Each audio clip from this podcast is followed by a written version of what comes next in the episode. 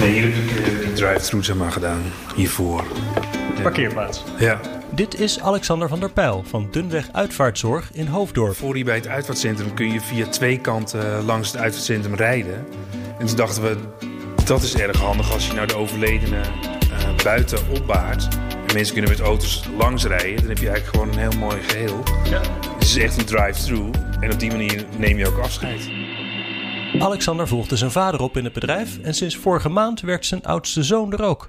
Ze werkten samen met politie en justitie, met Schiphol en waren betrokken bij de MH17-ramp. En zijn dus wel gewend om te schakelen. Dus dat is precies wat ze deden toen het virus in Nederland toesloeg. We hebben van begin af aan wel de ernst van de situatie ingezien. En wij zijn gewend om uh, ja, via scale-up inderdaad te kijken van... stel nou dat het aanbod zou verdubbelen. En als gaat het nooit gebeuren, is het wel heel interessant om te kijken wat het met je organisatie doet. Ja. En toen hebben we een plan geschreven, een noodscenario. Dat hebben we het afgelopen jaar nog regelmatig aangepast en erbij gehaald. Zo, wat gaan we doen qua koeling van de overledenen, qua uh, het bergen van overledenen?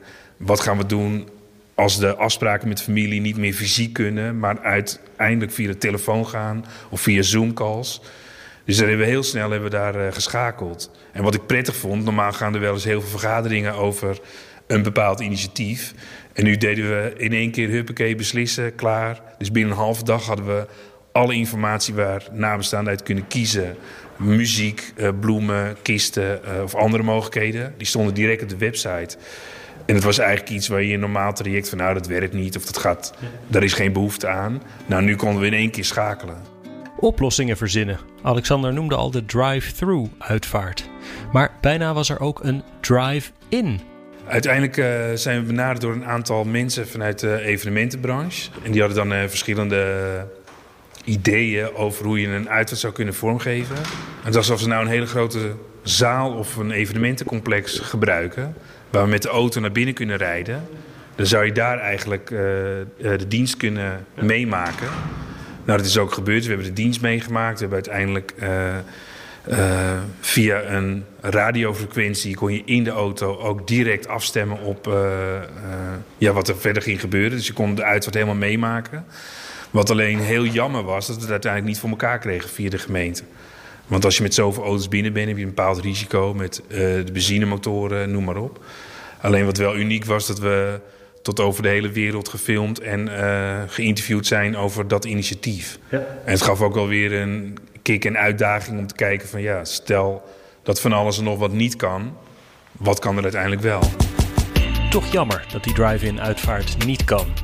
Maar de ervaring van Alexander bevestigt ook: innovatie is vaak vrij voor de hand liggend. En ten tweede, corona maakt uiteindelijk van elk bedrijf een IT-bedrijf. Wat eenvoudige oplossingen. Een livestream bij een uitvaart. Zodat mensen vanuit de hele wereld konden meekijken. Want niemand kon natuurlijk meer naar Nederland toe komen. Je kon niet meer uitreizen. Familie uit Italië, Amerika, nou, noem maar op. Nou, dan ga je livestream regelen. En de dacht zelf nog van, nou, als je nou en een heel klein gezelschap hebt... en dan ook nog met een filmpje daarna moet kijken... gaat niet gebeuren.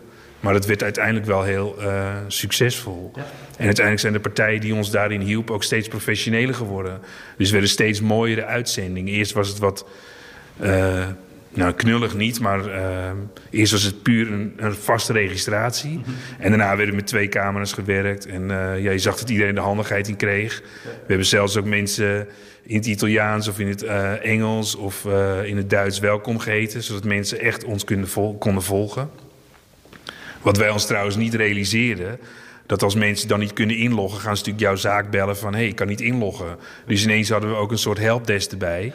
Uh, dat hadden we ons niet gerealiseerd. Nou, daarnaast hebben we ook gekeken. Door die helpdesk kwamen we er ook weer achter dat als je een code aangeeft op een rouwkaart, dat mensen kunnen inloggen. Als een 0 een O is, of een O een 0, dan heb je al een probleem. Kunnen mensen niet inloggen. Dus toen hebben we het verder ontwikkeld om een QR-code te plaatsen. Of uh, als je die QR-code aanklikt op de rouwkaart, kom je gelijk in die livestream-omgeving. Of je kan gelijk bijvoorbeeld uh, de familie condoleren online. Ja. Dus ja, van het ene ervaring kwam er ook weer een praktische oplossing. Ja. Dus uh, ja. ja, bijzondere tijd.